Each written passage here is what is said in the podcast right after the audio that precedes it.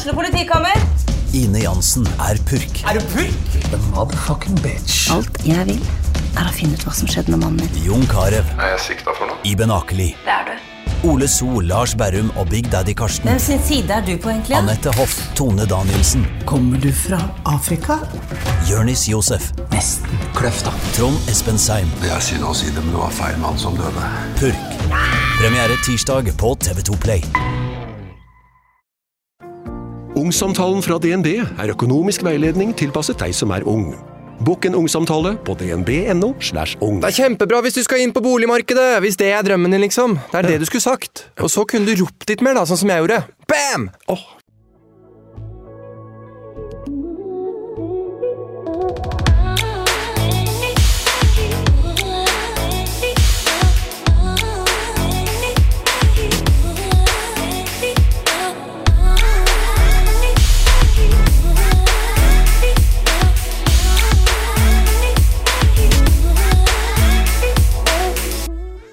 Denne samtalen her, den har jeg vært veldig veldig spent på.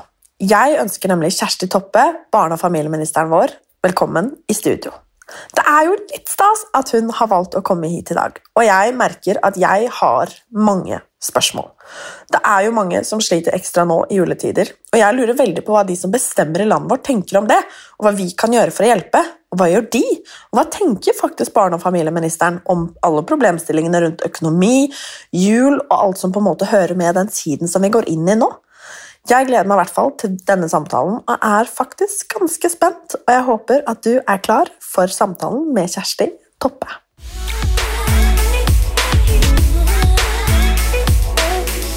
Det nærmer seg jul, og jeg har fått en veldig spennende gjest inn i studio som jeg har gledet meg til å prate med. Velkommen, Kjersti Toppe. Takk for det. Du er eh, barne- og familieminister, og jeg eh, lurer litt på hvorfor det var noe du hadde lyst til å bli.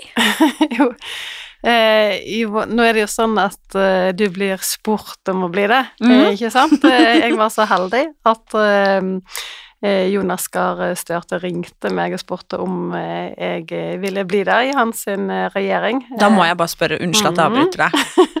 Hva gjorde du da når han ringte, og hvordan reagerte du?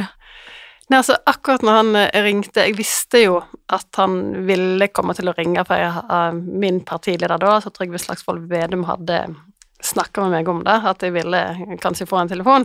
Så jeg var litt forberedt, men akkurat når han ringte, så gikk jeg faktisk og moppa et gulv. Eh, For jeg skulle hjelpe ei, ei av jentene mine, for hun har en vaskejobb som hun syns er ganske kjedelig. Så jeg var der og hjalp henne med å, å, å vaske, da. Eh, Så jeg sto og hadde en sånn eh, mopp, og så kom en telefon fra Jonas Gahr Støre. så, så det var litt sånn spesielt, da. Men Så det var omstendighetene, så det kommer jeg jo alltid til å huske. Men da var jeg jo litt forberedt på på det, så jeg hadde jo egentlig bestemt meg for at jeg eh, måtte jo si ja, det var jo kjempekjekt å, å få et sånt tilbud, selv om det var jo litt sånn skremmende. Jeg, er- bakgrunn, bakgrunnen min er jo at jeg har vært på Stortinget i tolv år, eh, og mm, har jobba masse med helsepolitikk, så dette området var jo litt nytt, men eh, eh, eh, det å være barne- og familieminister er jo noe av det aller viktigste, syns jeg, da. Eh, For det å kunne gi barn og unge en veldig god og trygg oppvekst, det er jo ingenting som er veldig viktigere enn det, tenker jeg. Så eh, da sier jeg eh, ja, det vil jeg gjerne prøve å kunne gjøre en god jobb der. Altså, da lurer jeg på, sier man da bare sånn ja, eh, selvfølgelig, eller var det sånn nei du Jonas, dette må jeg tenke litt på. jeg, jeg tror jo at hvis jeg ikke hadde vært forberedt, da, så hadde jeg kanskje sagt at eh, jeg måtte tenke litt på det, for det er jo et, et veldig sånn stort spørsmål å få. Men jeg, jeg var som sagt litt eh, eh, på det advart, da. Jeg hadde fått eh, om at jeg ville eh, kunne få en telefon, sånn at jeg hadde jo gått denne runden da, så at når han ringte, så, så sa jeg ja, at eh, det, det vil jeg eh, gjerne. Så sånn, sånn var det, men det var jo veldig sånn, eh, spesielt å få, å få en sånn telefon. Det var det. Så spennende. Men da lurer jeg litt på, hva er dine hjertesaker? Mm. Nei, det er jo å kunne gjøre det bedre for, eh, for barn som er i barnevernet, det er iallfall ei stor hjertesak jeg har, og det er jo det som er òg et stort ansvar i mitt eh, departement. Eh, det er noe av de mest utsatte barn og unge, og som er veldig avhengig av at vi fra det offentlige kan gi dem den hjelpa de trenger, og hjelpe familiene tidlig. Og at de får eh, helsehjelp når de trenger det, og at en får en trygghet, da, for å Ja, eh, nå er det litt for mye sånn at eh, det er for masse flyttinger, at de blir flytta litt på alt etter hvor det er barnevernsinstitusjoner. Så, så da tenker jeg er noe av det, det aller, aller viktigste. Ellers er jeg og eh, opptatt av dette med forskjeller i samfunnet. At vi eh, fremdeles har små forskjeller i, i, samfunnet vårt, og det er spesielt for barn og unge som opplever at de er ikke en del av fellesskapet, og at vi gjør enda mer for å hindre utenforskap, og at, eh, at særlig barn og unge, da, at de de, de, kan oppleve i Norge at de er en, en, del av noe og har en tilhørighet. Det tror jeg er enormt viktig for, for oppvekst og hvordan det går med barn og unge òg seinere, Så det er en veldig god investering hvis vi får til enda mer på det i samfunnet vårt. Mm. Jeg er jo veldig personlig engasjert i eksempel uh, idretten. For jeg mm. vet hvor mye den har betydd for meg, um, og hva den nummer én så føler jeg meg veldig heldig for at jeg har fått måte, muligheten og lov til å drive med, med idrett. Mm. Um, og ser også hva uh, Ja, men igjen, da, hva det har betydd for meg, og hva det betyr for andre. Mm. Um, så jeg tror det du sier der, er veldig, veldig, veldig viktig. Mm. Um, og noe som jeg i hvert fall syns det er fint å høre, da, at du sier uh, i, med tanke på posisjonen som, som du har, da. Mm. Jeg tror idrett er jo noe som veldig mange barn og unge går på, heldigvis. Eh, og eh, en ting er liksom selve idretten og sånn, men det der fellesskapet, det at du føler at du har en plass å gå til, og at du får en mestringsfølelse og sånt, det er liksom helt sånn uvurderlig, da. Og det kan være idrett, men det kan være òg andre ting å gå på, da, ikke sant, mm. som, som en har interesse for og sånt. Det er utrolig viktig i barndommen at en har eh, en aktivitet å holde på med, et fellesskap utenom familien og utenom skole. Eh, det tror jeg kan gjøre en veldig stor eh, forskjell, og det, det vet vi òg når vi ja, leser rapporter og, og, forskning, så altså hvor enormt viktig dette er for, eh, for barn og unge, da. Mm. Jeg uh, fikk faktisk um, Det er litt, litt borte fra manus, men jeg prøver, prøver meg likevel. For jeg fikk uh, Det er noen måneder siden nå, vel, melding fra en mamma mm -hmm. som hadde slet med å betale en regning til mm. idrettslaget. Uh, og lurte på om jeg hadde noen mulighet i verden til å hjelpe til med det. Mm. Um, og da var det nesten så jeg ringte deg personlig. ja, ikke sant. Og um, nå valgte jeg faktisk å Eller var jeg på en måte heldig og hadde muligheten til å hjelpe til med det, og valgte faktisk mm. å gå inn og um, bidra litt i den klubben for at ja. flere barn skal kunne uh, Eller at eh, andre foreldre i den aktuelle klubben da på en måte skal slippe å stå i den situasjonen. Mm. Um, men det er klart at eh, det er noe jeg brenner utrolig mye for, mm. um, og det er jo godt å høre på en måte at du, du gjør det samme, um, mm. fordi det er jo ingen Etter min mening, det er ingen barn i Norge som på en måte skal behøve å slutte uh, med det de driver med, uh, fordi at det, det, er et økonomisk spørsmål, liksom. Ja, ja.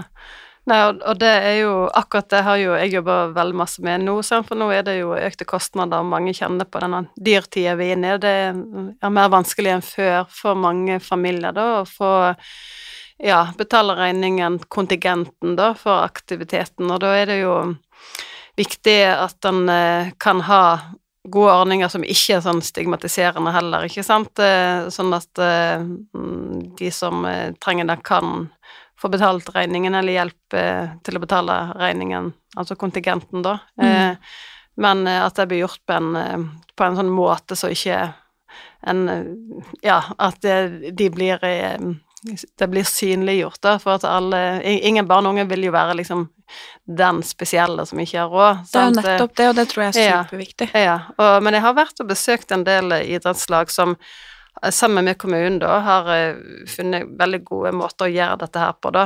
Og da finnes det jo tilskuddsordninger fra staten, altså fra Mm. mitt departement, så, så lokale idrettslag og kommuner kan bruke akkurat til sånne ting, da. Eh, og, og betale kontingenter, eller betale cuper for de som ikke eh, Ja, for det er, jo- det er jo kjempedyrt Mm. eh, å, å være med, og iallfall hvis det har flere barn og eh, Så er det her òg ivra når jeg har hatt eh, barn sjøl når de var mindre, da.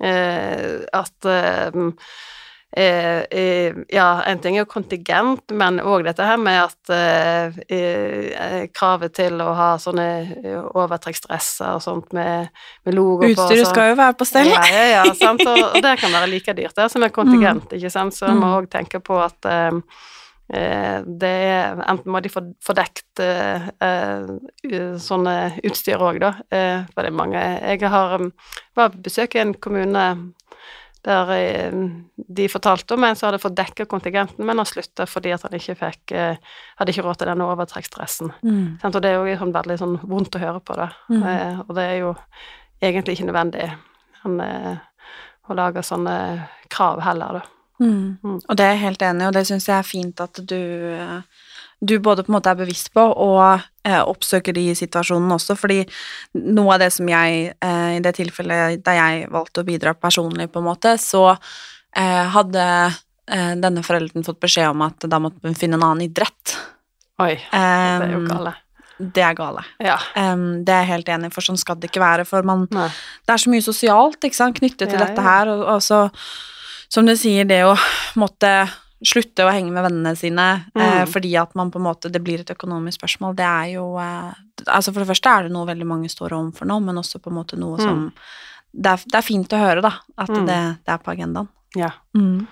Og det er veldig viktig. Det er sånne barrierer, som vi sier det, Mm. eh, for å delta, og økonomi er jo en av de. Men det Mm. kan jo være andre barrierer, da, at du har eh, Ja, hvis du har en funksjonshemming, eller sånn som gjør det vanskelig, eller at du har eh, lang vei, eh, og det går ikke buss, ikke sant. Det, det er mange, mange ting, men akkurat det med økonomi og kont- kontingent og utstyr, eh, det er jo veldig klart at det, det må vi jobbe mer med. Mm. At det ikke er det som blir hinder for at eh, barn og unge kan delta. Enig. Mm.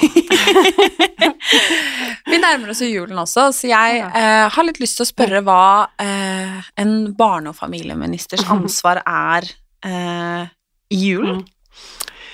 Ja, nei eh, Jeg har vel et ansvar for barn og unge i jula, men eh, Året rundt, da, men altså. Rundt. eh, Så det er et veldig stort ansvar å få. Jeg husker bare en av mine første møter når jeg ble barne- og familieminister, så hadde jeg et møte med Redd Barna, eh, og da fikk jeg en sånn handlenett, eller sånn eh, stoffnett, da, eh, og der sto det liksom sånn Jeg bærer litt av ansvaret for barna, eh, men eh, så sa de at nå siden jeg var barnefamilieminister, så kunne du ta bort litt av, sånn at eh, jeg bærer ansvaret for barna. Mm. Og da fikk jeg sånn, fikk nesten ikke sove den natta, for jeg det er så stort ansvar eh, å ha. Eh, så hvis jeg skal ha ansvar for alle barn og unge i jula, så er det et veldig stort ansvar å, å ha. Men eh, vi jeg har jo ansvar for å legge til rette for at barn får en god oppvekst, eh, og det gjelder jo òg i i desember, ikke sant, at, eh, at, eh, det, at vi har en god politikk for eh, barnefamilier, sånn at de får en får råd til å ja, kjøpe det en trenger for at barn kan få en trygg oppvekst i familien. Eh, så, så finnes det jo òg mange gode tilskuddsordninger til eh, lag og organisasjoner, sånn som lager til, til eh, Som lager til ja, aktiviteter og, og mange ulike ting til, eh, til eh, ja, både barn og barnefamilier i, i jula og resten av eh, året, da. Så, så jeg håper jo at det kan eh, bli ei god jul for eh, alle i år òg, da, selv om det er jo litt sånn vanskeligere tider nå, eh, og vi vet jo at en del kanskje kvir seg til jul, fordi Mm. at eh, det kan være press og kostnader som kan gjøre det vanskelig, og, og det med å sammenligne seg med andre, da, at alle har liksom ja, får, eh, får til mer og får mer enn andre. Men eh, For vi går jo nok en Mm. eh, på mange måter tøff jul i vente, økonomisk. Um, og eh, jeg er litt sånn spent på hvordan dere på en måte i regjeringen snakker om om dette her. Hva, hva gjør Mm. dere, liksom, Mm. eh, for å eh, hjelpe? Altså, mange mener at dette er deres skyld, så Mm. Ja, ja, ja. liksom Hva gjør man da for å hjelpe? klart. For dette gjelder jo utrolig mange. Ja, det gjør det. Nei, for det første så, så gjør jo vi ting Altså ikke bare jul, da, ikke sant, men at vi prioriterer ting i, statsbudsjettet som hjelper barnefamiliene, f.eks. med å øke barnetrygda, eh, som er jo veldig viktig for barnefamilier, da, og at vi kan gjøre barnehageprisen billigere og gratis eh, SFO. Eh, det er jo ting som betyr noe for familieøkonomien, og det er jo denne hverdagsøkonomien som er som, som folk kjenner på. Eh, og så er det nå slik at selv om vi har gjort disse prioriteringene, så har jo mange det eh, vanskelig allikevel. Eh, men, eh, men det er jo òg mange som som eh, merker en forskjell når f.eks. barnehageprisen blir eh, såpass mye billigere og sånt, og det tenker jeg er jo veldig bra. Men det vi har gjort nå i desember, det er jo at eh, vi har gitt eh, mer tilskudd til eh, lag og organisasjoner som kan lage aktiviteter for barn og unge, eh, særlig i jule... Altså desember og fram mot nyttår, da. Og, og det er kommet tilskudd til idretten på 100 millioner kroner, eh, som kan brukes nå, og til mange andre lag og organisasjoner, kultur, eh, eh, og eh, ja, i type sånn Kirkens Bymisjon som kan lage for familier og utsatte grupper og sånt. eh. Så der har det kommet mange sånn ekstra midler til nå i desember, da. Og det er ikke sånn som er vanlig hvert år. Det har vi gjort eh, nå fordi at det er dyrtid, og spesielt så har vi sagt at de pengene må brukes til eh, barn og unge og barnefamilier spesielt. Nettopp fordi at eh, vi ser at eh, denne måneden er spesiell, og, og at da er det ekstra viktig at eh, alle har noe å en plass å, å være og en, en, en, aktivitet å gå til, og sånn at det blir ei, ja, ei, ei god jul for alle. Mm. Men jeg endte jo litt her med dette presset um, mm. som kommer i mange former og fasonger, men hvorfor tror du at så mange føler på det presset ved å kjøpe liksom de beste og kuleste julegavene, og ofte dyreste også? Ja. Altså, jeg, jeg, tror jo sånn har det vært lenge. Uh, det er ikke bare, bare nå. Eh, og jeg eh, opplevde det sjøl når jeg fikk barn, så syns jeg andre foreldre drev og kjøpte sånne her, kjempedyre presanger til, til barna sitt, mens det var liksom veldig lite, og hadde, altså, ungen hadde egentlig ikke begrep om om de fikk en sånn stor legokasse til liksom masse, tusenvis av kroner, eller om de fikk en liten pakke, men det ble en sånn det ble en sånn, mer sånn konkurranse mellom foreldrene da, for liksom skulle gi den dyreste presangen. Eh, så, jeg har jo opplevd det sjøl at eh, det, det, det, blir en sånn jag inn mot uh, jul, eh, som vi til dels kanskje er skyld i sjøl, ikke sant, for vi skal hele tida vise at vi er ja, skal prestere da, i forhold til andre, så det er jo veldig negativt når det gjelder barn og unge, fordi, eller barnefamilier, for det er jo Eh, altså, barn vil jo normalt sett sammenligne seg med andre, eh, men jeg tenker her har jo òg voksne et ansvar ikke sant, for å liksom ta det litt ned, eh, og at det er liksom ikke det som er poenget med jul. Eh, men, eh, men, mange føler nok på det, mange har jo reelt sett store problem med helt tatt å kjøpe julegave, sant? Eh, så nå har jo vi som Nå òg blir det jo verre for, for mange som har lite fra før, så det er jo de jeg er nok ekstra bekymra for nå. Eh, at alle iallfall skal føle at de kan eh, ha ei, ei, koselig og trygg julefeiring. og så tror jeg vi må bare prøve alle sammen å jobbe mot dette her presset, da, på at det nødvendigvis skal være så veldig store og fine julepresanger. det er liksom ikke det som er poenget. Hvordan var julen for deg som barn? Jeg, vet, jeg er så gammel vet du, at det, det var en helt annen tid. så da jeg husker, eh, best, nei, Mora mi hun fortalte jo at når hun var liten, så fikk de ei halv appelsin på julaften. Det var liksom sånn kjempestort, for da var det som appelsin var veldig eksotisk og sånn. jeg er ikke så gammel da, men nei, du vet, jeg eh, Nei, vi hadde jeg, bare, jeg har bare masse gode minner fra, fra, jul. Men jeg er oppvokst i et uh, gartneri, så vi drev masse med juleplanter og sånn, da. Så vi jobber jo masse ute i drivhuset og pakket blomster og kjørte ut og sånn, og, så det var liksom en stor del av eh, min oppvekst da. Men akkurat når julekvelden kom, og eh, vi var ferdig med alt eh, arbeidet, så var det en sånn veldig ro eh, som senker seg, og, eh, og, vi hadde Ja, dette her med at vi var alle samla, og besteforeldrene mine var der, og eh, altså det var veldig sånn koselige minner, da. Mm. så i den tiden så kan ikke jeg huske at det var sånn styr med presanger, så jeg kan nesten ikke huske en jule, hva jeg fikk til jule, julegave. Det var liksom ikke det, men vi fikk jo julegave, men jeg kan ikke huske at jeg var så veldig opptatt av akkurat hva jeg fikk da. Det tror jeg er blitt verre nå i, si, i dagens samfunn enn det var når jeg var lita, da, jenta, da. Har du tatt med deg noen tradisjoner fra du var Mm. liten inn i din altså, familie nå, og som voksen? Altså, vi har eh, hatt en tradisjon som jeg tror kanskje ikke er så vanlig, eh, men det er at eh, mm, på julekvelden så har eh, alt, alltid mora mi lest juleevangeliet. Eh, fra en sånn gammel bibel, da, eh, med en sånn gotisk skrift, så nesten sånn umulig å Hvis ikke du kan det, da. Og det tenker jeg er en sånn fin tradisjon, selv om mange ikke er så ja, religiøse, kan du si. I, i jula så syns jeg det er nå tross alt det som er julen sin budskap, eh, og en gang om året så tåler vi at eh, det blir lest fra Bibelen i, i vår heim, og, og det tenker jeg er en sånn fin eh, tradisjon som, som jeg vil videreføre, da. Mm. Så fint. Ja. Men um, jeg har lyst til å ta opp noe som berører veldig mange i jula, og det Mm. er eh, det er barn og alkohol. Mm.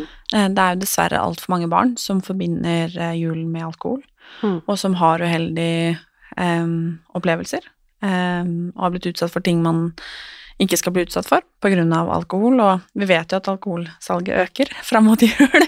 Man skal kose seg litt ekstra og alt dette her. Um, hva gjør du og regjeringen for å øke bevisstheten rundt dette her, og bruk av alkohol, da? em, I barns nærvær, på en måte. I, Mm. Selvfølgelig hele året, men nå som vi snakker om julen. Mm.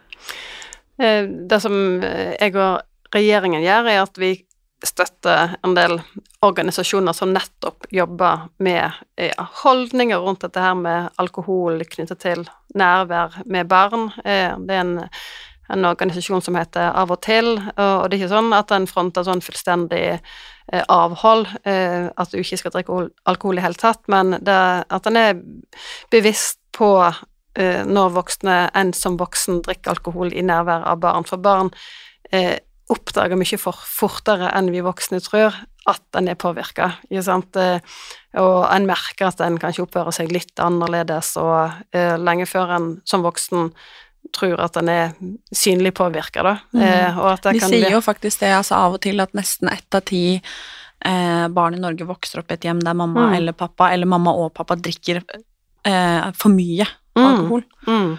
Det er veldig mange, og det er egentlig en så mange at vi Ja, og vi snakker altfor lite om det, ikke sant? Mhm. Eh, For, eh, for dette Ja, en kan mm, Ja, dette her angår liksom oss, da, ikke sant? voksne generasjon, og det blir en sånn kritikk til oss sjøl, da. Men altså, jeg, jeg har vært veldig opptatt av det her veldig lenge, eh, og Eh, og det at det er så mange barn som rett og slett kvir seg til jul på grunn av foreldrene sitt eh, alkoholbruk, bruk, det er noe som er veldig ille å lese om. Jeg kan Eh, si det, det er for jævlig, Ja, jeg sier det sånn. Rett ut. Jeg tar den, det var ikke du som sa det, det var jeg som sa det. som sa det. Men, eh, og eh, jeg hørte en historie, det var faktisk fra søsteren min, som sa at på den jobben hennes, så var det sånn, det er så vanlig med sånne eh, vinlotteri og, og gi alkohol i gave og sånt til jul, ikke sant? Eh, og så var det en historie hun hørte da, på at eh, det var eh, en av sjefene der som bare slutta å gi alkohol i gave til sine ansatte, da. Og han hadde gjort det i mange år, helt til han en eller annen gang eh, eh, traff eh, en av barna til, til en som jobber der, da. Og så hadde han sagt at det, var, det var den gava pappaen min fikk fra jobben som gjorde at han alltid var full på julaften. Og etterpå da sånn han, alt, sånn han slutta da og gitt alkohol til sine ansatte. Mm. Og det er nok med at alkohol er også blitt veldig sånn normalisert sant? i arbeidsliv. Sant? Han gir alkohol i gave og sånn uten egentlig å vite noe om bakgrunnen, da. Sant? For det er jo òg mange som har problemer med, med mm, alkohol, og, og det går jo utover barn. Jeg er jo veldig Altså, jeg er oppvokst uten alkohol eh, i, i heimen. Eh, eh, og vi drikker eh, aldri alkohol eh, i heimen eh, vår eh, uten at jeg er liksom prinsipielt avholds. sant? Og jeg er jo er jo glad for, for det, da, rett og slett, ikke sant? selv om jeg kan ikke forvente at alle er sånn som, som, som, som vi er, da. Men jeg Jeg kommer fra mye av det samme. Jeg kan Mm. Knapt huske at vi har hatt alkohol på julaften. Og det, Det er du sier med Jeg drikker veldig lite alkohol selv. Jeg er Mm. også er litt sånn forsiktig med å kalle meg avholds, for at det på en måte er ja, bra, jeg har Mm. stort sett ikke lyst, så jeg liker Mm. heller å si Ja, det. er på en veldig make. Ja. Det sånn, sånn som du. ja, det er litt sånn at har jeg lyst, så har jeg lov, skal jeg si, men stort sett så har jeg ikke så veldig Nei. lyst. Nei. Og jeg også har fått veldig mange vinflasker, og jeg vet ikke engang åssen jeg åpner en vinflaske. Men jeg husker det et år at pappa og jeg snakket om dette her, um, og et år der han hadde fått, vi snakker titalls Ja. av liksom flasker da, med alkohol eh, til jul Ja. eh, i jobbsammenheng. Ja, Han har fått vinflaske her, altså, altså det var titalls av vinflasker. Mm. Um, og eh, mamma og pappa endte jo opp med å kaste mye, mm. fordi at det ble liksom eh, Ja. eh, vet jeg, det er noen som på en måte vrir seg i grava når jeg sier det, men altså det er eh, Det er for så vidt jeg takknemlig, men det er jo også Ja. på en måte litt som du sier, da. Det Vil man på en måte være, være Ja. delaktig i det? Nei, Liksom. ikke sant. Det, det er akkurat det. Så, så eh, Men, men dette blir jo òg en litt sånn der eh, Mange vegrer seg vel for å være så tydelig som du er, ikke sant? Fordi at eh, Ja, nei, men det her er går vi inn i liksom privatlivet til folk, og folk må liksom Vi må ha tillit til at de vurderer sjøl, ikke sant, og vi må nå Altså, far og mor må få lov til å kose seg òg, da, ikke sant? Men altså, det er jo veldig få som taler barnet sin sak. Sant? Og den stemmen hører vi jo veldig sjeldent, utenom at vi vet det fra statistikken, og kanskje når vi blir voksne, at de kan fortelle om hvordan det egentlig var. Så jeg, jeg mener at vi må bare snakke enda mer om det her, eh, og at, den, at alle blir liksom mer bevisste. Det kan være de kan vente litt, og særlig jul, da, som er på en måte Det, det heter jo at det, det er barna sin høytid, og det er ikke uten grunn. Eh, så kan jo kanskje tenke seg litt sånn ekstra i, i, igjennom, da, hva en gjør. Men jeg jeg er jo veldig også irritert på disse her eh, Det er mange sånne eh, anmeldelser av eh, liksom sånn beste julewhiskyen, eller vin og rødvin og champagne, ikke sant. Altså, det, det, det er jo veldig masse i media òg, da, som, som jeg er irritert på. Fordi altså, det er jo ulovlig å komme med vinanmeldelser og sånn, men vi har jo et reklameforbud mot alkohol i Norge på samme måte som for tobakk. Men det er jo ingen som kommer med sånn eh, Nå skal vi anmelde den beste snusen eller beste tobakken. Sant? Det gjør vi jo ikke. Men på alkohol så, så er liksom det helt vanlig. Det er veldig masse av det òg, faktisk, og særlig nå før jul. Eh, så det kan òg være med å bidra til at en del som ja, kanskje kjøper litt mer enn det som de egentlig tenkte, da. Det er som jeg pleier å si, at jeg syns det er ganske interessant, men når jeg takker nei, så er det alltid noen som spør meg sånn Hvorfor drikker du ikke? Ja. du Jeg har aldri spurt noen om hvorfor de faktisk drikker. Ja. Og greia er at eh, alle forventer jo at jeg skal ha et forbanna godt svar, Ja. men jeg tror de færreste hadde hatt et godt svar ehm, på hvorfor de faktisk drikker. Mm. Og så kan man jo da spørre liksom Er det at Nei, men jeg syns det er godt. Er det, Mm. er det et godt nok svar? Det er sykt godt med sjokolade òg, liksom. Det er liksom Jeg bare Altså, det er ehm, Jeg syns det er viktig at vi på en måte tør å prate om Ja, dette. det syns jeg òg. Det er veldig, Um, veldig viktig. Og bevisstgjøringen på en måte Mm. rundt det. Fordi Mm. at eh, jeg har nettopp vært med på 16 ukers helvete på, Mm. På TV nå, og da skal man jo på en måte Man skal spise sunt og godt, og man skal ikke drikke alkohol, Mm. og det var jo ikke noe problem for meg. Um, men det er liksom det folk har spurt om. Herregud, har du ikke drukket på 16 uker? Herregud, hvordan klarer du det? Ja. Ja, jeg er liksom bare, Hæ? Hvorfor er det ingen som spør meg hvor vanskelig det er å stå og holde seg unna smågodt, liksom? ja, ja. Det er liksom, folk har vært, og det, jeg har tenkt masse på det, hvor utrolig opptatt vi har vært av alkoholen. ja, ja. Um, og det er også gjort meg litt sånn bevisst på hvilket forhold folk faktisk har til det. Mm. Um, og det er, eh, det er interessant. Mm. Og det er også I min verden, jeg skjønner at det provoserer noen, så syns jeg det er er eh, Og igjen, dette er mine ord, det er ikke Kjersti sine ord, folkens. jeg bare sier det for oss her. så mener jeg det at det er helt hinsides at folk eh, på død og liv må drikke alkohol foran barna sine i jula. Mm. Mm. Men eh, er det noen tiltak som tilbys foreldre og familier som sliter med alkoholproblemer? Altså, Mm. hva, hva fins det av muligheter? Ja, det, det er mange sånne eh, type sånn alarmtelefon for barn og unge, det er andre hjelpetelefoner til, eh, til voksne, da, ikke sant, som sliter med, som sliter med alkoholproblemer eller et for stort eh, alkoholforbruk. Og Men altså Jeg har jo òg stor respekt for at det er jo en del foreldre som skjønner at dette her ikke er bra, men jeg klarer bare ikke la være. Sant? Det er mange årsaker til dette her. Eh, eh, så det, det har jo jeg eh, eh, Ja, noen gjør jo det fordi at en tenker seg ikke om og kunne kanskje klart latt være, og noen har et eller annet som gjør at eh, en har faktisk et alkoholforbruk eh, som, eh, som har en ja, kan ha en årsak, og som en faktisk ønsker å komme ut av, men så en jeg klarer ikke det. Så at en skal jo òg ha respekt for at òg foreldre kan gjøre dumme valg, eh, men da må de òg få, få hjelp til det. Og der eh, eh, Det er sånn i, i samfunnet i dag at det er veldig, blitt veldig, egentlig veldig bra at vi snakker veldig mye om psykiske lidelser, og det er åpenhet om det. ikke sant, En åpenhet om det. Hvis du har en depresjon, så kan en ja, være mer åpen enn kanskje for noen år siden, men det er faktisk ikke så enkelt å snakke om at du har et rusproblem. Sant? Har du et alkoholproblem som foreldre, så er det skambelagt. Eh, En prøver kanskje å gjøre alt en kan for å skjule det, mens eh, barna dine vet det jo. Ikke sant? Eh, Og den der åpenheten om eh, at en har et, eh, og et alkoholproblem, det tenker jeg vi skal eh, forsøke å få til mye bedre enn det i dag. Eh, For vi må begynne der. Sant? Skal en eh, tørre å be om hjelp, så må en òg først innrømme at en har et problem. Eh, Og altfor ofte så går en altfor lenge og kamuflerer det, ikke sant. Eh, Av, eh, av og til forståelige grunner, da. Mm. Så det er jo jeg veldig opptatt av, at vi må få åpenhet om, om dette, på samme måte som man er åpen om andre, andre ja, problemer en kan ha med, med helse og avhengighet og, og eh, lidelse. Mm.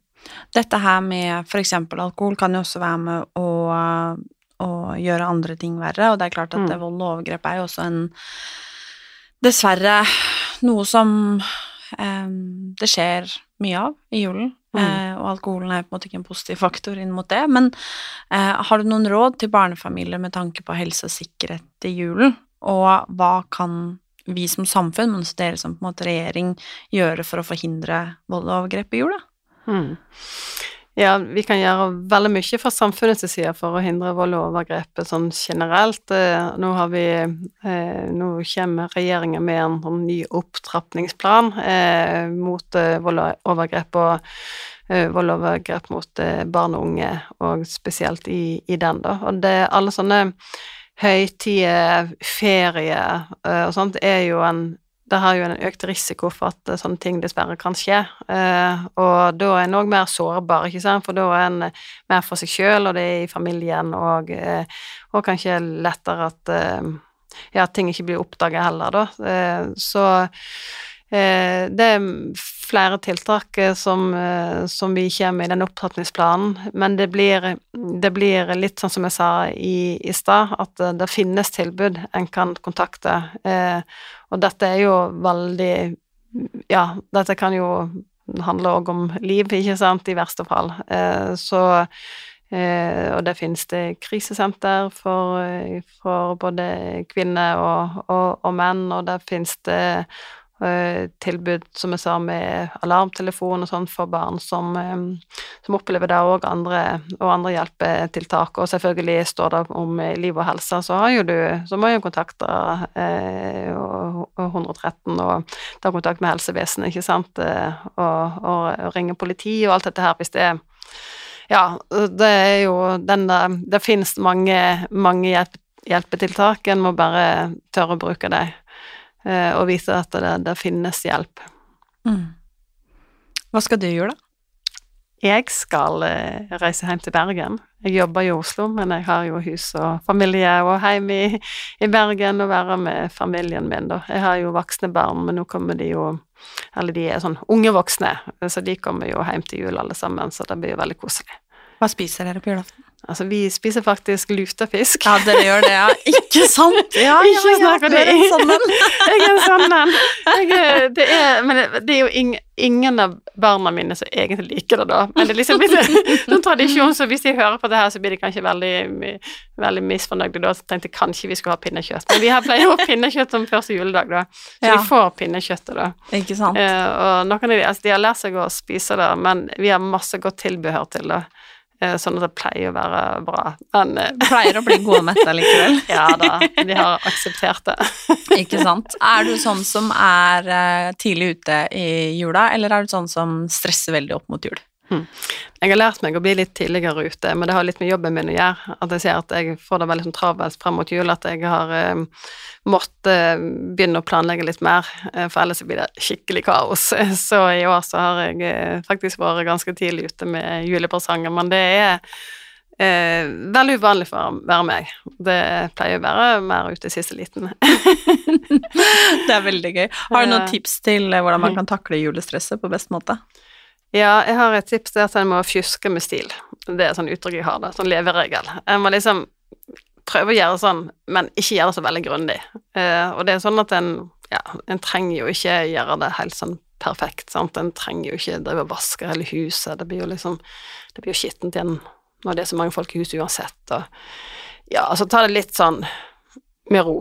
Det blir jul uansett. Det blir jul uansett, og sant, det var masse år jeg har ikke bakt en tøddel, ikke en eneste julekake. Altså, men jeg bryr meg ikke.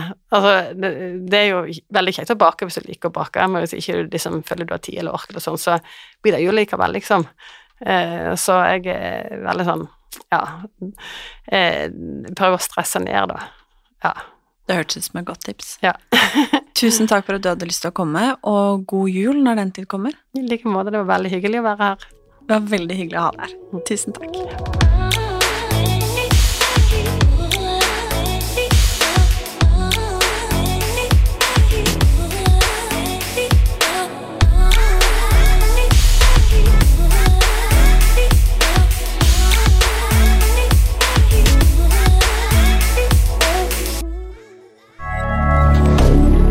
Moderne media.